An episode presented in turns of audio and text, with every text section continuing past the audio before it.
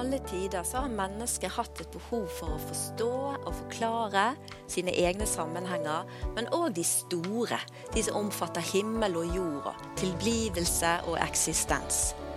Og Vi er tenkende mennesker. Vi reflekterer og filosoferer.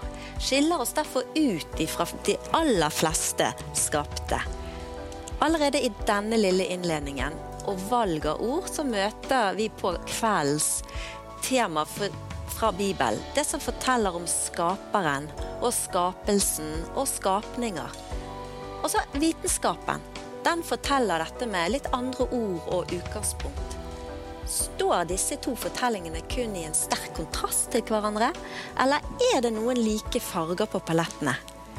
I kveld så skal vi se litt nærmere på dette, og med meg i samtalen så har vi fått tre gode gjester som med sin livsvandring har måttet tenke godt igjennom og møtt på utfordringer i temaet. Så velkommen til å bli med i samtale om vitenskap i møte med Bibelen.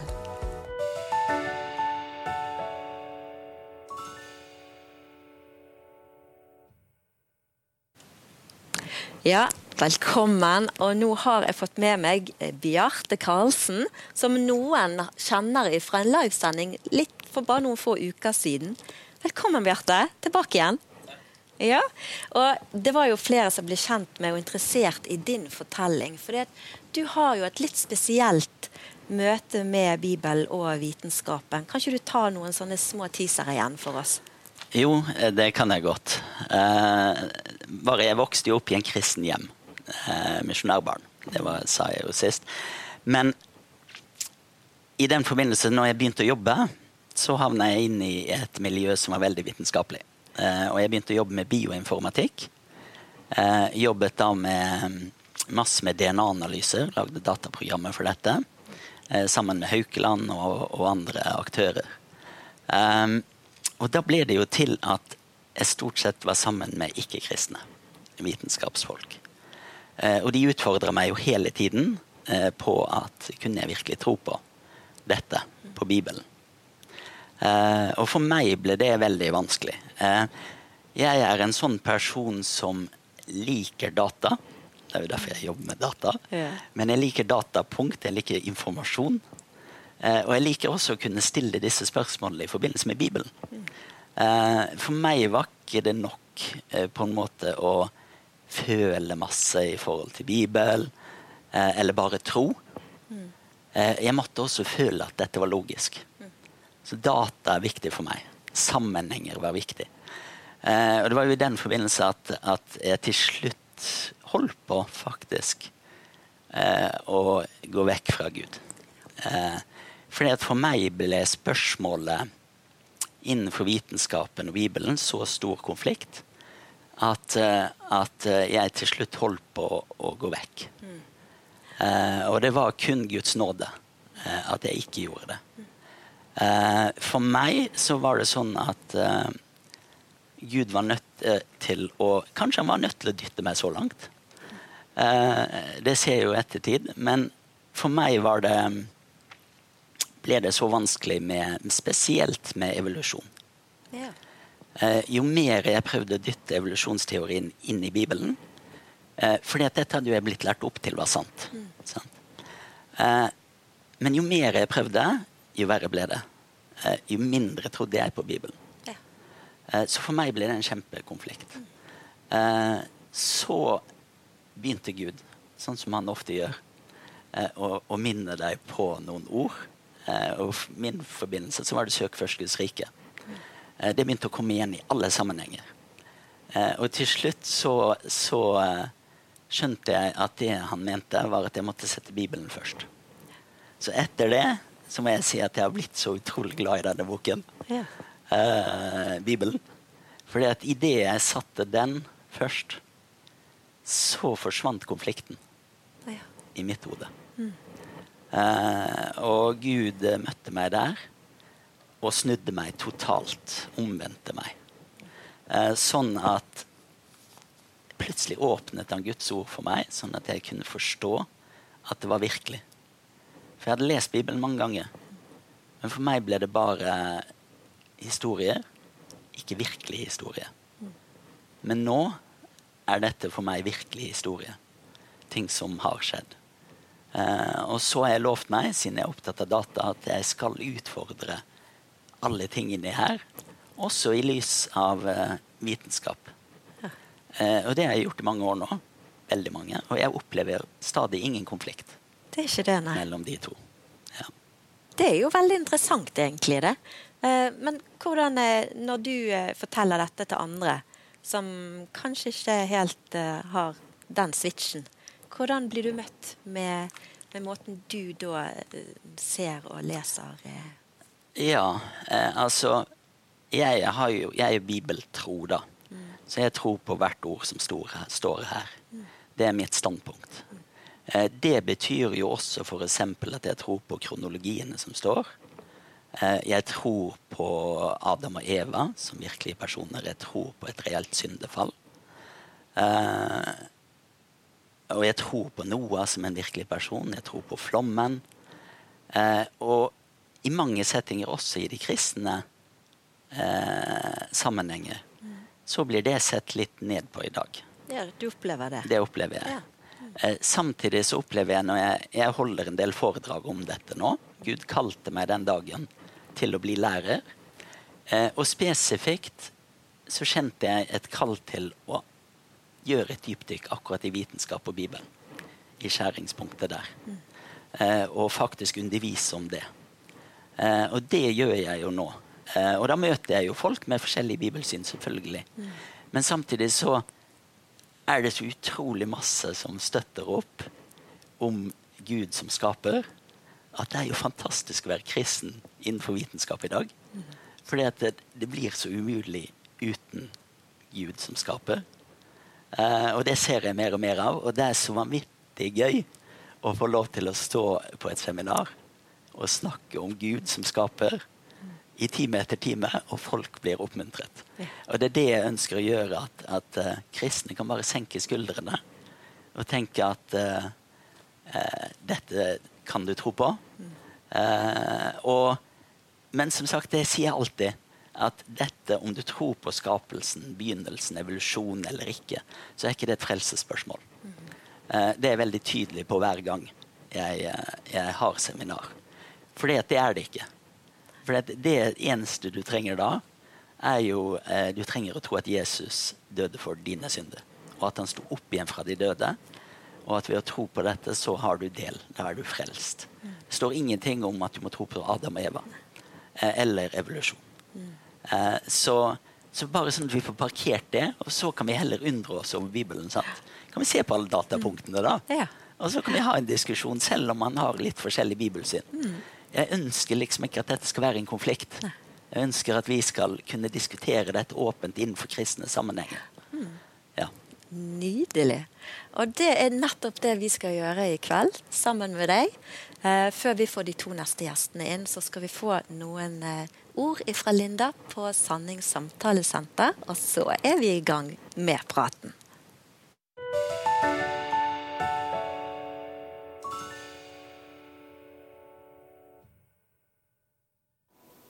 Vitenskap er nyttig, men Guds ord står fast. Det er mye vi kan lære om mennesket gjennom forskning. Og vi har studert oss sjøl og hvordan vi opptrer i møte med andre mennesker fra tidenes morgen. Det har gitt oss mye kunnskap og innsikt. Samtidig kommer vår innsikt alltid til kort, for Bibelen sier at menneskers visdom er dårskap for Gud. Så hva gjør vi når Bibelen og skolebøkene står imot hverandre? Ordspråkene 3-5 sier Stol på Herren av hele ditt hjerte, og støtt deg ikke til din egen innsikt. Det er bare Guds ord vi kan stole helt og fullt på når alt kommer til alt.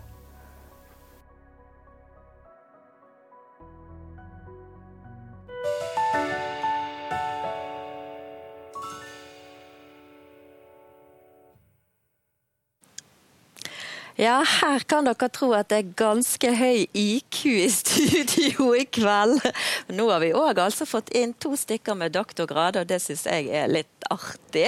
Velkommen, Pål Næverlid Sevik og Tor Harald Sandve. Vi er veldig spent på å bli kjent med dere. Først Pål. Du, du, har doktorgrad i anvendt matematikk. Finner du mye matte i Bibelen? Ja, det er kanskje ikke matematikken som er det sentrale budskapet i Bibelen. Men uh, tall er det nå alltid, da. Og du er, har jo alltid noen sånne hellige tall som går igjen og sånt. Men jeg syns det var litt artig du spurte om det, fordi at det er eh, På videregående ungdomsskolen eh, så eh, studerte jeg litt sånn, eh, noen sånne spesielle tallmønster da, som kunne finnes i Bibelen. Eh, og som eh, skulle på en måte kunne bevise at det var Gud som hadde stått bak og inspirert hvert enkelt ord i Bibelen. Det var en sånn type ting som jeg, gikk litt inn i, og som jeg også brukte som gudsbevis overfor for klassekamerater. Ja.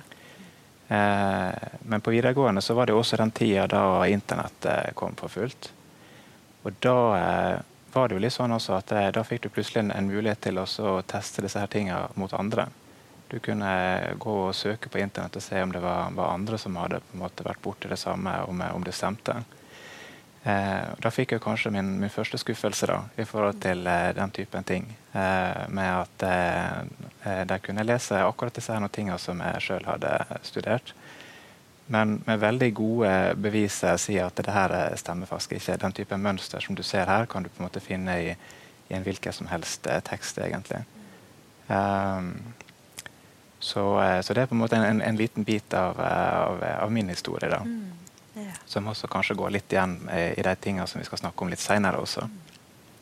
Og du er jo en forsker. Mm. Eh, det Havforskningsinstituttet her i Bergen. Ja, du holder på. Eh, hvordan syns du det er å balansere den forskning opp mot vitenskap når du òg eh, skal ja, lese ja? Det er jo veldig, veldig, kjekt å jobbe som, som forsker. Da. Det er veldig, man får jobbe med det man, man liker, og få studere problemstillinger som har praktisk og nytteverdi.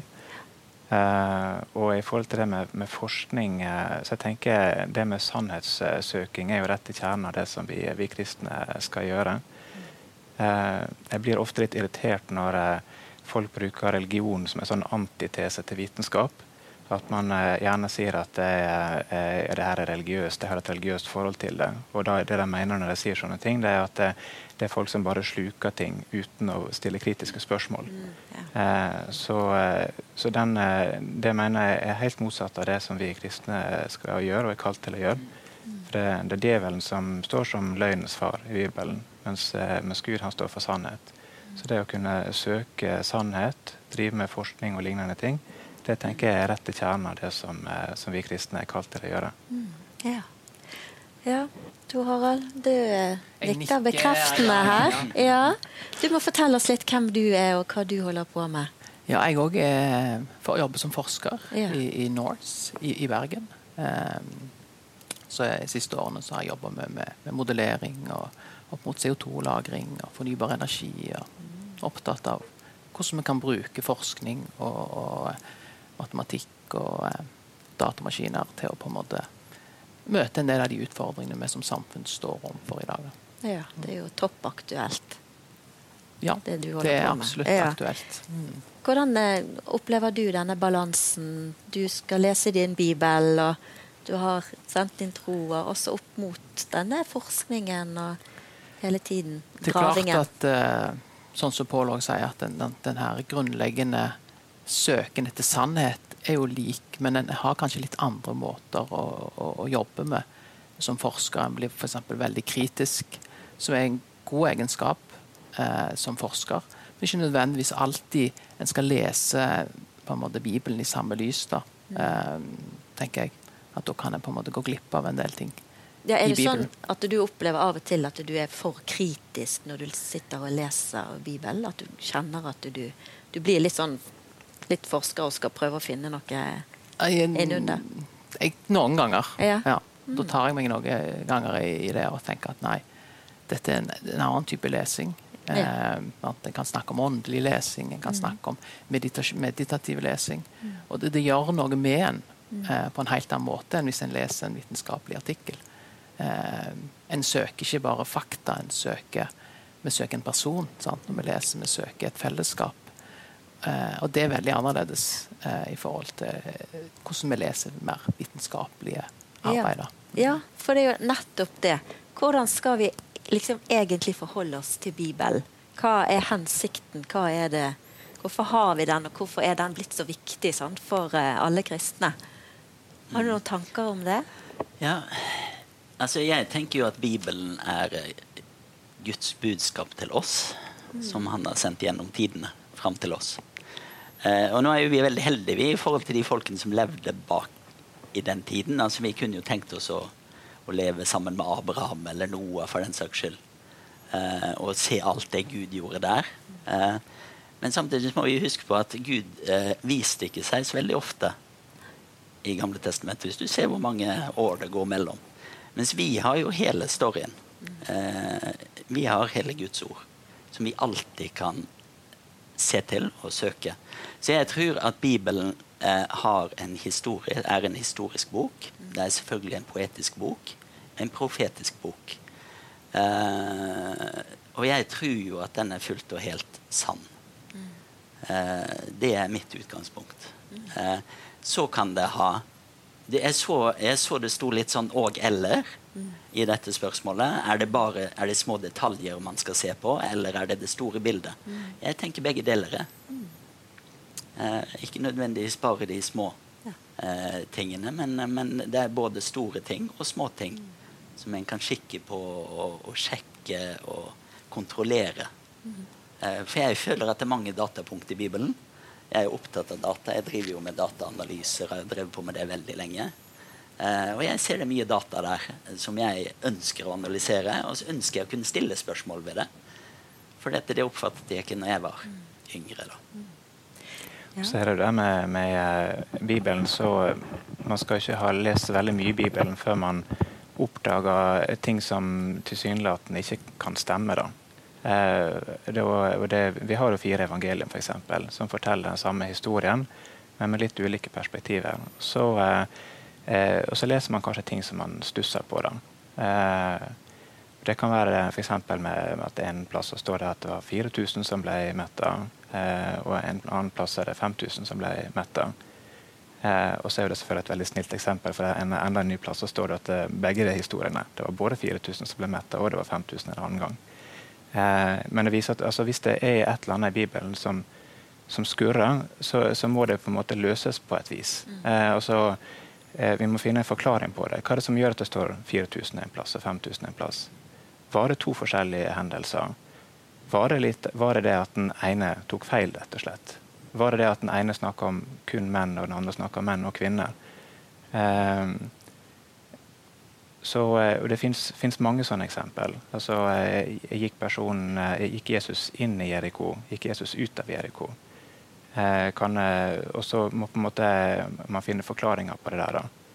Eh, og I det eksempelet så er det også sånn, eh, noen som mener at Jeriko var på en måte en sånn todelt by. da. At Det kan godt hende at begge deler var sånn samtidig. At Jesus var på en måte på vei ut av gamle Jeriko og på vei inn i nye Jeriko. Siden det står ut av ene stedet og inn av det andre stedet. Eh, og så er det andre igjen som mener at det der er ikke så viktig. Det kan godt hende at, eh, at Jesus gikk inn i Jeriko, at den andre tok, evangelisten tok feil.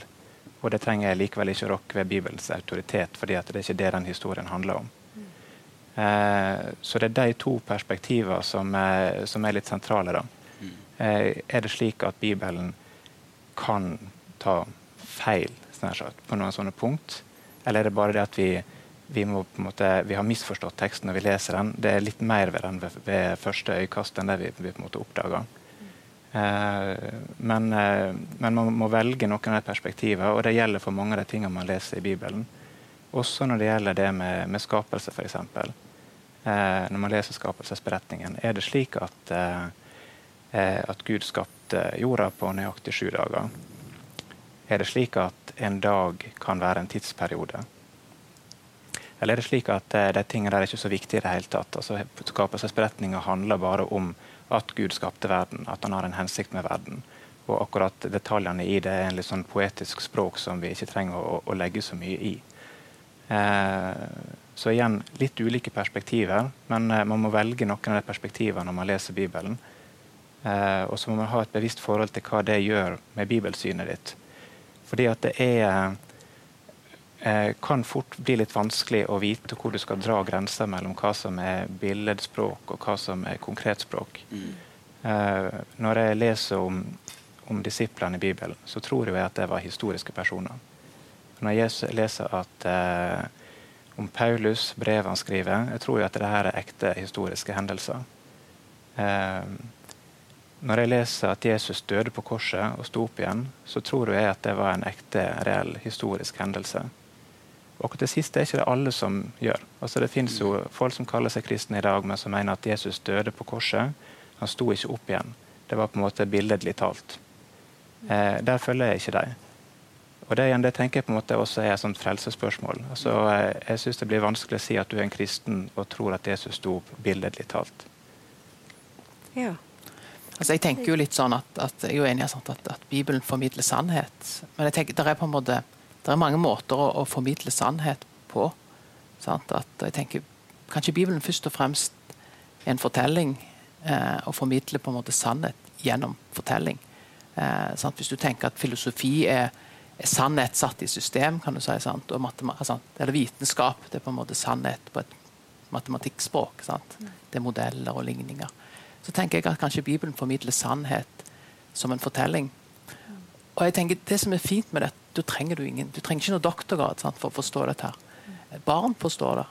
Eh, jeg har vært søndagsskolelærer i over 20 år. og, og mest, Første Mosebok er jo favoritt. Kanskje spesielt urhistorie, sant, de første kapitlene. Sant, om igjen om igjen. Og, og det formidler noen utrolig viktige sannheter til barna og de forstår det. og en kan på en måte, sant? Du forteller at du, du forteller det sikkert mer voksen publikum. sant? Folk blir grepet av det. og jeg tenker Det er utrolig flott. Så Gud, Gud, Gud formidler ikke noe til oss bare som altså Det er ikke sånn du må ha en viss IQ, sant? eller du må kunne forstå disse vanskelige tingene. Han formidler det gjennom enkle historier som taler sannhet inn i livene våre, som kan på en måte forvandle oss. sant? Eh, uten at en trenger på en måte å henge seg opp alltid i sant? om det er historisk korrekt. Alltid. Det, det, det, er ikke nødvendig. Det er ikke der på en måte essens ligger. da. Mm. Mm. Uten at det trenger å være altså, mm.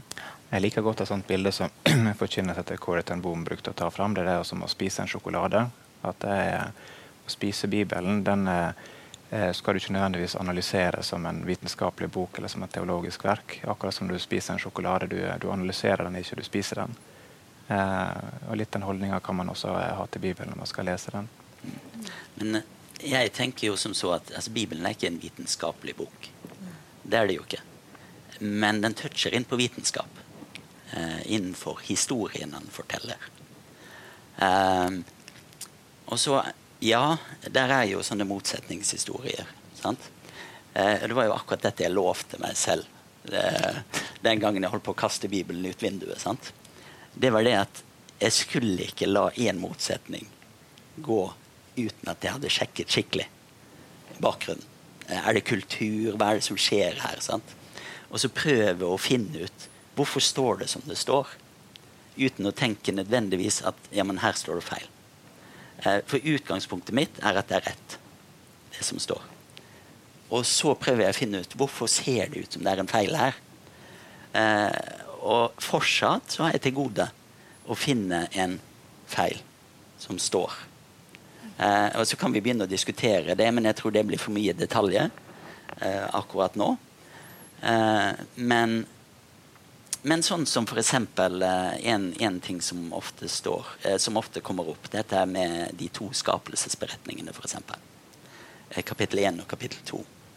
Um, for meg, eh, når jeg har studert dette nærmere, altså Bibelen og storyen, så er det jo sånn at Moses, når han forteller dette Og så er det jo selvfølgelig da folk som sier at ja, det er ikke Moses som har skrevet dette.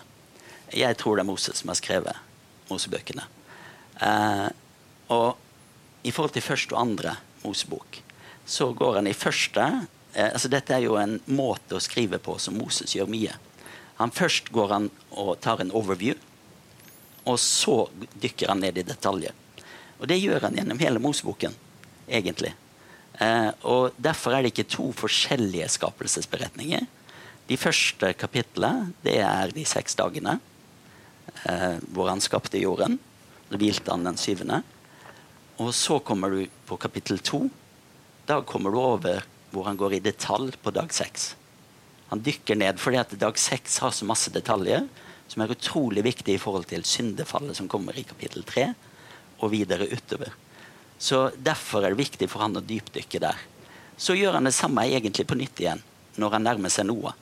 For når Adam og, og Seth og hans barn er ferdig, så plutselig går Noah opp her igjen og måker framover 1500 år ca. ifølge kronologien. Og så tar han et dypdykk igjen ned i Noah med detaljer. Så dette er jo en måte Moses skriver på, og det gjør han videre gjennom Moseboken. Så jeg tenker hvis man har det perspektivet, så blir det litt annerledes når man leser, eh, leser eh, Moseboken, da. I min eh, bibel eh, så, så, står det jo som sånn under overskrift sånn 'Mer om skapelsen av mennesket' i eh, kapittel to. Altså at det er på en måte som en slags fortsettelse av det. Så det var, det var, vel først på videregående egentlig at jeg hørte første gang at det er to skapelsesberetninger i Bibelen. Mm. Jeg hadde jo lest det mange ganger og aldri tenkt på det som to. Mm. Nei, ikke men, Nei. Men det er klart at når man, man eh, forhører det, så kan man lese og si at ja, det er faktisk noen forskjeller. da. Eh, så for meg så har det også blitt et, et slags tegn på at ja, det, det eh, Du kan si at ja, nå, nå, kommer man med litt flere detaljer om hva som skjer. Kanskje finnes det enda flere detaljer som ikke står der. Eh, som eh, eh, om akkurat hva metode Gud brukte på å skape disse forskjellige tingene. Mm. Som vi kan bruke vitenskapelige metoder for å finne ut av. Mm. Dette er kjempeinteressant. Og vet du hva? Nå skal vi faktisk ta en liten reklamepause før vi skal videre inn i dette. For her har gutta mye å komme med. Men du skal få en liten pustepause før vi fortsetter. Vær så god.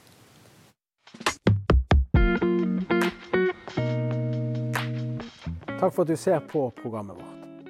Hvis du setter pris på det vi gjør, så vil vi invitere deg til å støtte oss. Vi kan bare gjøre dette så lenge seerne holder oss på luften. Send din gave på VIPS til 76 3805, så hjelper du oss med å lage disse programmene og å skape nye. Takk for din gave på VIPS til 76 3805. Gud velsigne deg.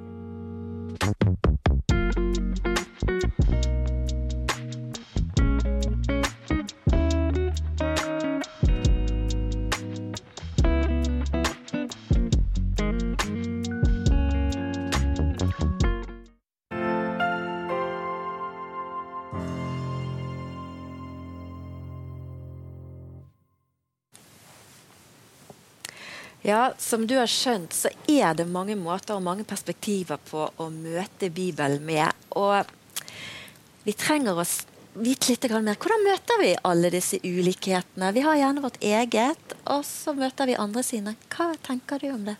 Altså, jeg tenker jo at en samtale sånn, sånn som dette her ja. er utrolig viktig. Og det å våge å på en måte være ærlig med hva en tenker sjøl. At eh, i noen miljøer så kan du på en måte mene det ene. Sant? Du kan være på en måte ha en veldig eh, bibel på en måte fokus på detaljer, kanskje, og ha en veldig eh, på en måte ordrett forståelse av Bibelen.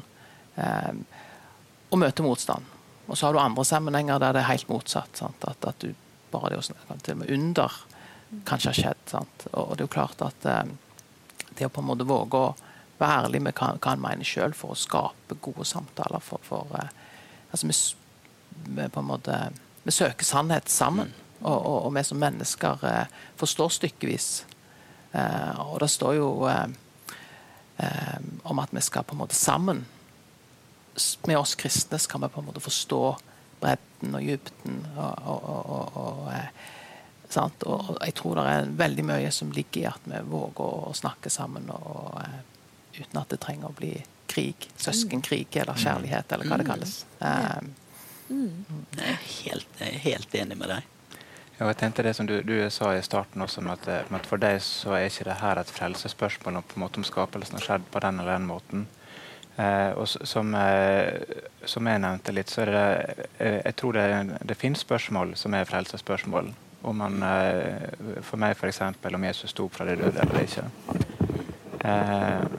Eh, så, så, det er ikke det at det ikke finnes spørsmål som, eh, som er frelsesspørsmål, men Men hvis du skal definere et, et spesifikt spørsmål som et frelsesspørsmål, så må du være veldig sikker på det. i alle fall. Eh, det er ikke noe man skal ta lett på. Og, eh, og jeg tror eh, akkurat det spørsmålet her med, med evolusjon, f.eks., så, så tror jeg mange, kanskje spesielt i tidligere tider, har, har gått i den fella å definere det som et frelsesspørsmål. Um, sånn, for å ta litt mer om, om min bakgrunn da, fra eh, ungdomsskole, videregående oppover, så, eh, så var jeg spesielt opptatt av de spørsmålene da. Leste mye litteratur på det området. Um, så husker jeg, jeg hadde et, et sånn foredrag da, i en norsk time på ungdomsskolen gikk på en, gikk på en kristen ungdomsskole. Så eh, det var ikke så skummelt å holde foredrag om evolusjon, men eh, det var det jeg valgte som tema.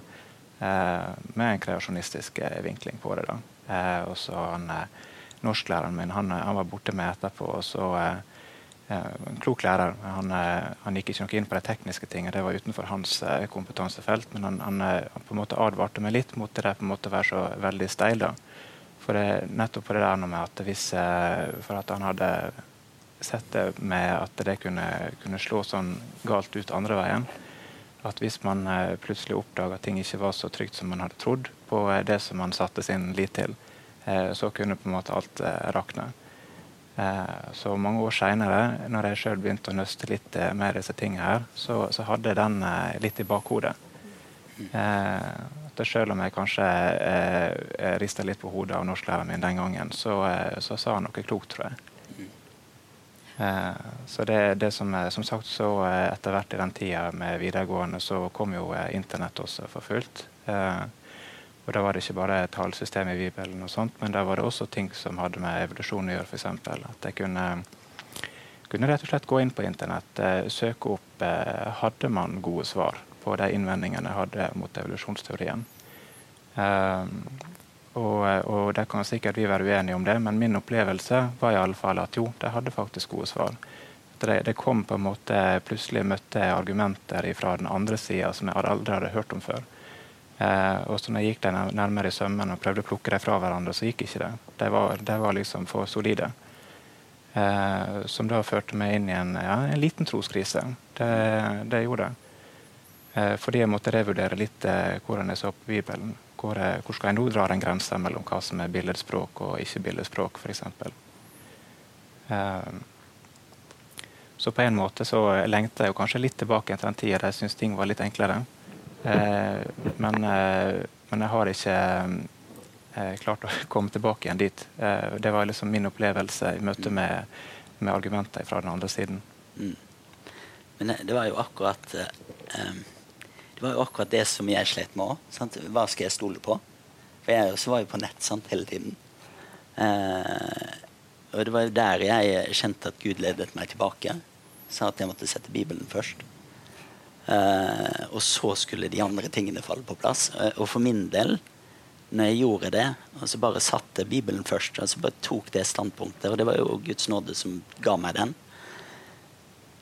da kjente jeg dette at jeg åh, senket skuldrene i møte med Bibelen og i møte med vitenskap, begge deler. For jeg visste jeg hadde et trygt fundament som jeg kunne stå på. Um, også i forhold til Adam, for eksempel, som en historisk person. Uh, som jeg sa litt sånn innledningsvis, for meg handler det mye om logikk. Må, ting må henge sammen logisk. Uh, og hvis jeg fjerner Adam fra Bibelen som en historisk person, for min del, da, så forsvinner den logiske sammenhengen gjennom Bibelen fra begynnelse til slutt. Eh, så for meg er det veldig viktig at Adam er en historisk person. Og at gjennom at han syndet, så kom synden inn i verden. Og døden som et resultat av den. Og derfor kom Jesus. Derfor kom budskapet om frelsen fram. Og så skal Jesus komme igjen. Sant? Eh, fordi at skal, denne jorden skal jo få gå, ifølge Bibelen. Denne jorden som vi sitter på nå. Så skal det bli en ny jord. Og vi får nye og dette syns jeg er fascinerende. Når jeg begynte å studere det gamle, så pekte Gud mot meg også mot at jeg måtte, jeg måtte, jeg måtte studere det som var framover i tid. Eh, og det er jo kjempespennende, det òg, men det er et annet tema nå. Mm. Men eh, sånn eh, eh, Nå skal vi ikke komme inn på så veldig mange tekniske ting, men jeg må jo litt, spørre litt likevel. Eh, sånn i forhold til for du har jo nevnt at du tenker at jorda var skapt på, på seks dager, og at jorda er, er 6000 år gammel. Eh, så hva, hva, tenker du da om, eh, om, ting som på en måte ser ut som de er gamle, for å si det sånn? Eh, F.eks. Eh, lys som kommer fra fjerne galakser, som har vært på mm. reise i lang tid. Eh, ja. Geologi. Ja. ja. altså lyn, eh, Lys som kommer fra fjerne galakser, det er jo litt sånn nå, nå, blir vi veldig teknisk. Mm. Men ja, det er jo et kjent problemstilling. Sant? Hvordan kunne Adam se lyset fra stjernene dag seks? Mm. Det er et spørsmål. Eh, og jeg har jo lest mange, prøvd å finne mange svar på det. Eh, men ikke foreløpig funnet noe som jeg har slått meg til ro med, så da ser jeg videre. Jeg tror fortsatt at Adam så det dag seks. Eh, og med en gud som har skapt jorden og skapt universet, så tenker jeg ikke at det er et stort problem. Men hvis vi ser da eh, samtidig på det, hvis vi tar det tekniske eh, i forhold til Big Bang og sånn, så har jo de et horizon-problem. Kjenner du til den problemstillingen? Nei, ikke med det begrepet i alle fall. Eh, det handler om temperaturen eh, har, altså at lyset har hatt tid til å, å spre seg over hele eh, galaksen, er over hele universet. Fordi temperaturen er så jevne at det kan ikke ha gått.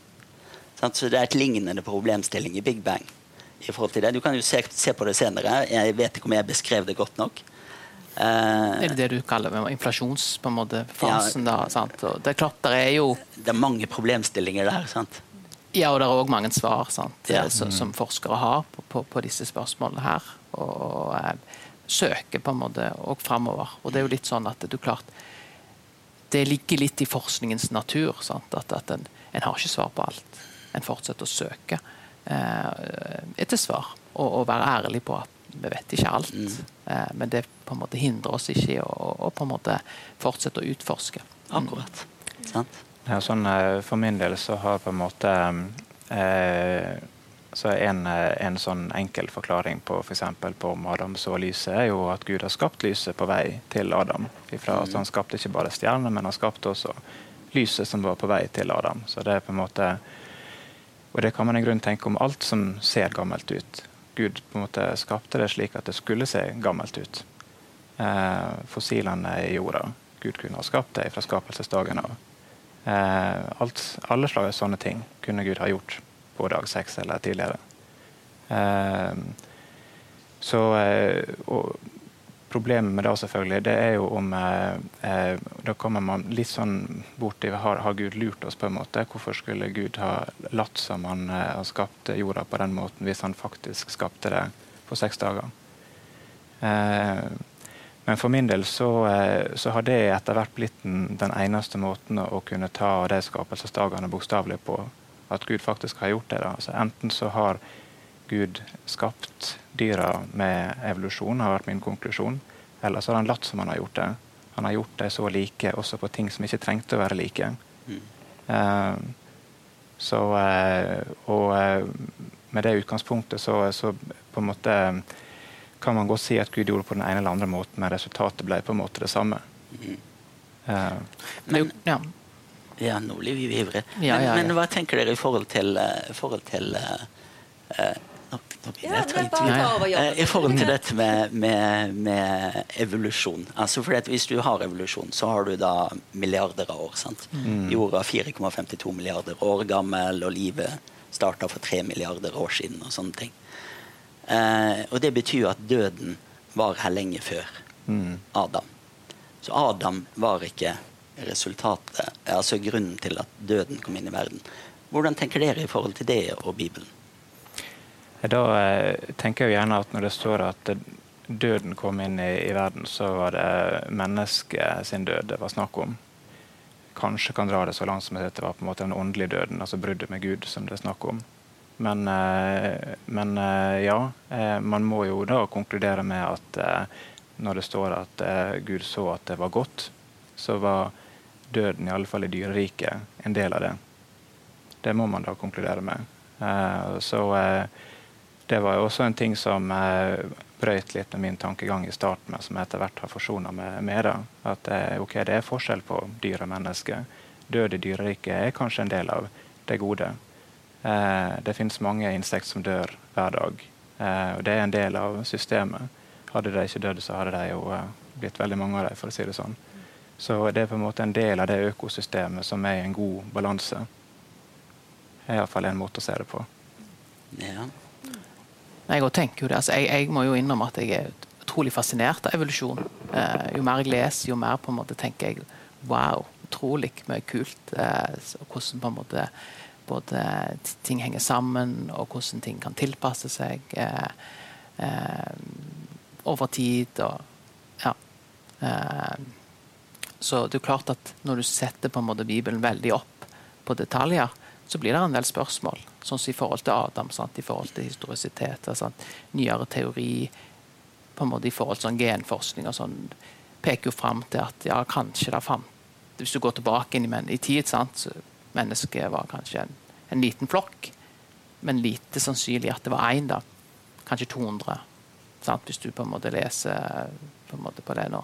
Um, så det er vanskelig å på en måte se for seg at, at du kan ha hatt én, ett menneske eller to mennesker noen gang. Eh, så kan derfor det bety at om man tenker kanskje annerledes om disse historiene, uh, er det på en måte er det essensen her at mennesket har falt, eller at det, Og det gjelder oss alle. sant? Eller må, må vi tilbake igjen til én hendelse for at det skal være en viktig del av vår tro? Eh, og jeg tenker jo litt av på en måte altså, Jeg liker å lese med tekstene på en måte med, med, Jesus i fokus, eller sånt, at det peker på Jesus. og det er klart at uh, Det nye Adam, det er én.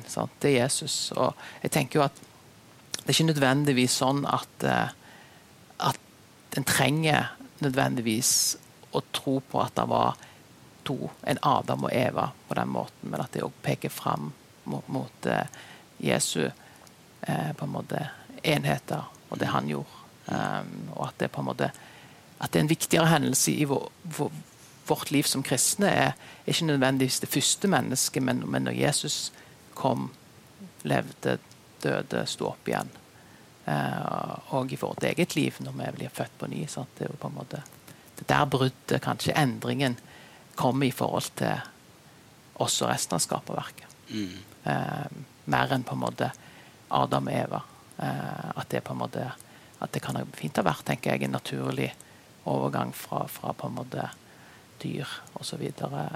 Ja. Mm. Og det er jo litt sånn Ja. Mm. Mm. ja vi, vi snakka så vidt litt om det på forhånd også. For, for min del så, eh, eh, så vil jeg nok tenke at eh, mennesket var noe spesielt. Så om, om Gud har brukt et dyr til å lage mennesker, eller om han bare lagde mennesker som tilfeldigvis ligner veldig mye på et dyr, Eh, så vil jeg likevel, eh, så godt det lar seg gjøre, prøve for min del i alle fall å holde fast på det med en, en spesiell skapelse av mennesker. Mm. Eh, og om det skjedde nøyaktig for 6000 år siden, kanskje det kan ha skjedd for lengre tid siden. kanskje Gud skapte flere mennesker etterpå, men, men, i alle fall at jeg vil veldig gjerne holde på det med syndefallet nettopp pga. den logiske sammenhengen i Bibelen da, med, som jeg føler gir mer mening. da. Mm. Men, men, hva tenker dere i forhold til dette med Jesus som, eh, som jo peker på disse personene som historiske personer? Eh, det er i hvert fall veldig tydelig at Jesus eh, tror på disse som virkelige personer. Altså Han nevner ikke Adam og Eva. Det gjør han ikke. Han nevner i begynnelsen var det to. Eh, eh, men Noah, for eksempel, nevner han. Mm spesifikt. Mm. Er det en person som dere tenker også er en story som bare er til, altså, til for altså, Jeg tenker jo litt sånn at jeg, jeg vil ikke kategorisk si at dette ikke er historiske personer. Sant? Når jeg leser jeg, jeg, jeg, pleier I mitt hode så skiller jeg på en måte urhistorien, altså før Abraham, fra etter. Og at det som skjedde før, har en annen på en måte sjanger da, enn det som på en måte skjer med Abraham. Um, og, og at en på en måte um, og at derfor ikke, det er ikke nødvendigvis snakk om historie, sånn som vi leser historiebøkene, uh, men at det kan også på en måte leses mer uh, symbolsk eller på en måte mer ja. Mm. uten at en på en måte kan si at det ikke har skjedd. Altså, det mm. kan ha vært sånn. Jeg, sier, det ikke, jeg, kan på en måte ikke slå fast det, der, men det er ikke, at det, det, er ikke nødvendig at det har vært sånn. Mm.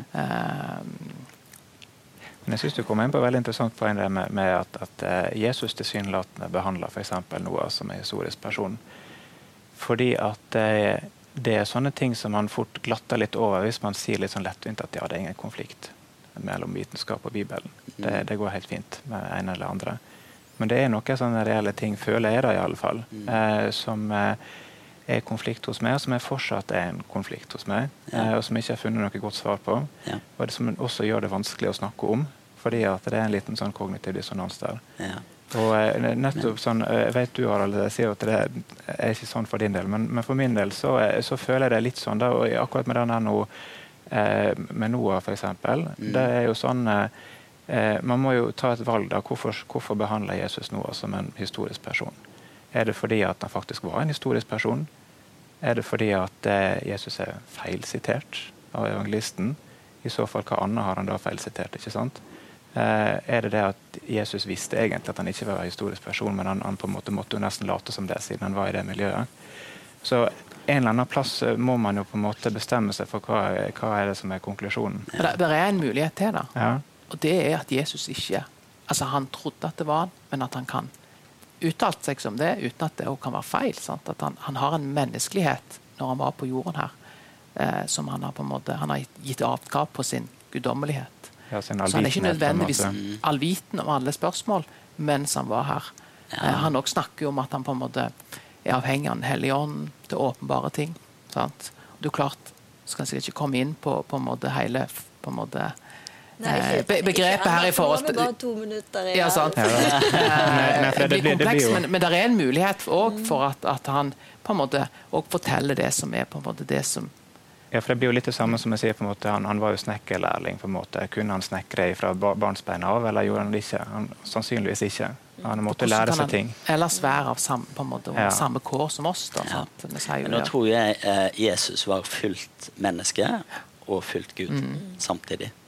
Eh, og, eh, og bare for å si litt om Jeg må hoppe litt Ja, vi har tilbake. ett og et halvt minutt. Ja, jeg skal, jeg skal forte meg. skal si. Ja, å ja, jeg skal forte meg. Ja. Eh, I forhold til dette med om eh, kan vitenskapen faktisk kikke på om det var én mann og én kvinne i begynnelsen. Eh, og der kommer vi inn for mitt fagfelt, eh, som handler om filogenetiske trær osv., videre som jeg har gjort mye av. Eh, og Der er jo kjempespennende akkurat nå, for her skjer det mye. Fordi at man, Nå kan man sekvensere hele Y-kromosomet, f.eks. hos mannfolk, og begynne å sammenligne det. Eh, Det er jo kjempespennende. Det er jo noe dere bør kikke inn i, forresten. Eh, Men vi har ikke tid til å gå inn i detaljene der. Men det peker helt klart tilbake på én mann. Ikke nødvendigvis Adam, for det er veldig usannsynlig ifølge bibelhistorien. Det er jo Noah den da peker tilbake til. For at alle vi mannfolk må ha det samme Y-kromosomet, ifølge Bibelen. Det er jo et sånt vitenskapelig spørsmål vi kan stille. Hvis Bibelen er sann, så må alle vi mannfolk som sitter her, ha Y-kromosomet til Noah. Hvis Bibelen er sann. Og så viser det seg at det går jo an. Eh, med genetisk, med å så begynne å kikke på disse filogenetiske trærne. Men tror du, at det, tror du at det står seg hvis jeg begynner å google? Ja, google i Ja, vei. får. Eh, men du må ikke bare google ett sted. Da. Du må Neida. virkelig, for jeg driver og graver ned i alle artiklene jeg leser. Mm. Hver eneste påstand, også innenfor revolusjonisme osv. Der ønsker er jeg at vi skal diskutere masse, forresten. Ja, for det er derfor jeg er det enig at det er, faktisk, det er jo mulighet for at det er én, men, men jeg, på en måte, jeg tenker at det er ikke det er ikke nødvendig. Min tro faller ikke Nei. på om noen kan bevise at det er ti. Sant? Det er helt rett, for frelsen handler ikke om evolusjon. Ja. Sant? Det er jo det som er så Nå må jeg stoppe dere. Dette her er jo kjempegøy. Men vet du hva, vi har én til som skal få lov til å si noe. Og han skal ha en liten andakt for oss. Og det er Amund Helgaas. Og nå må han få slippe til litt her. Vær så god.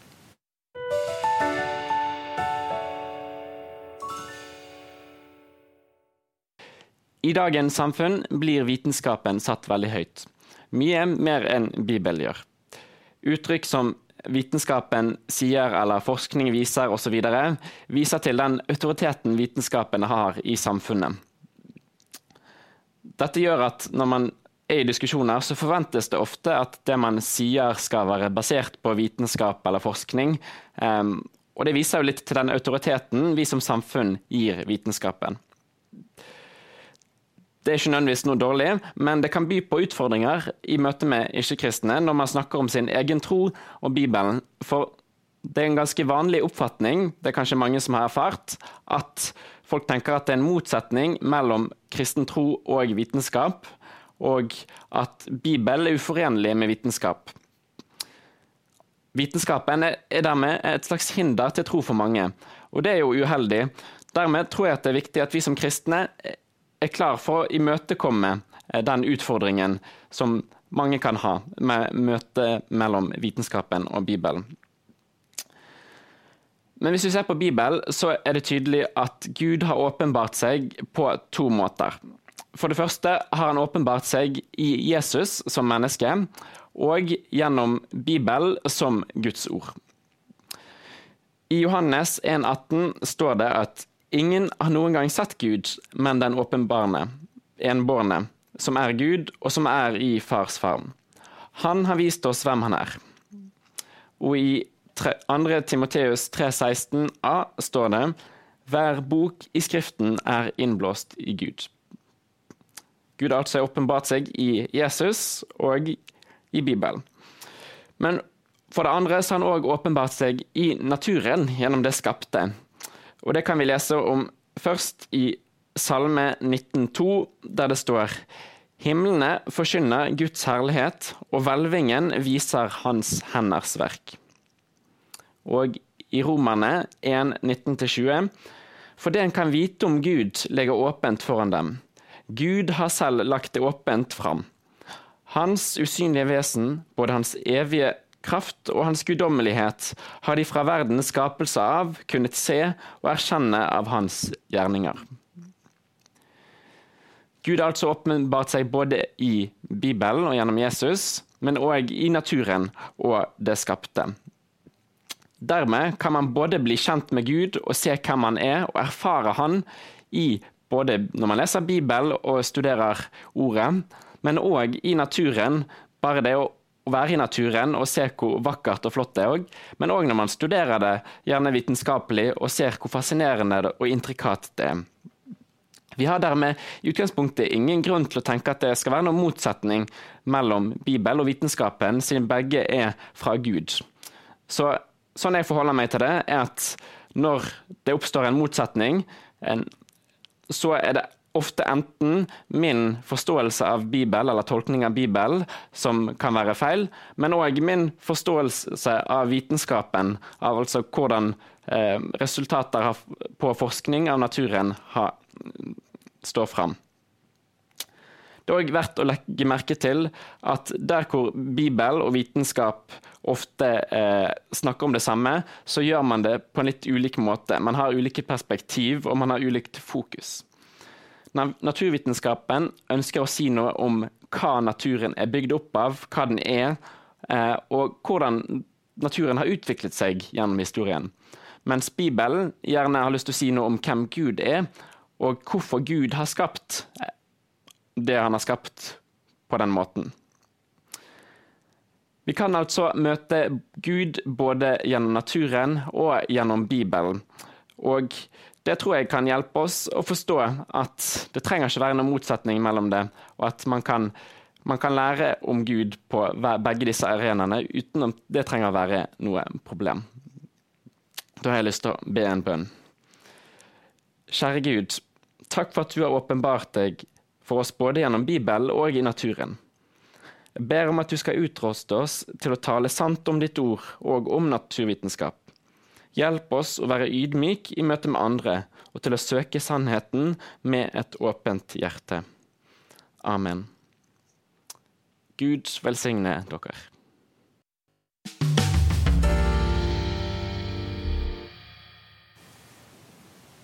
Ja, nå har du fått vært med på noe som har vært eh, for meg veldig kjekt og bivående.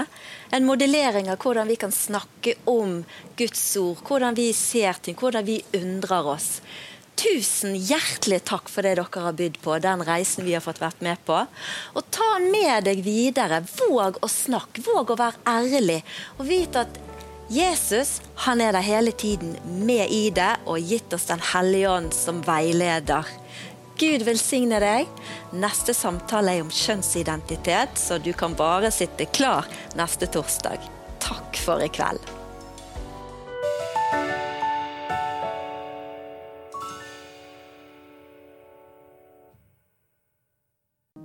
Noen ganger handler samtalen om ting som kommer nært inn på livet og berører deg.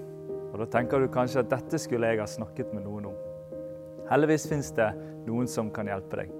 Her kommer en liste over trygge kristne samtaletjenester rundt omkring i landet, som med glede tar imot deg og ditt behov.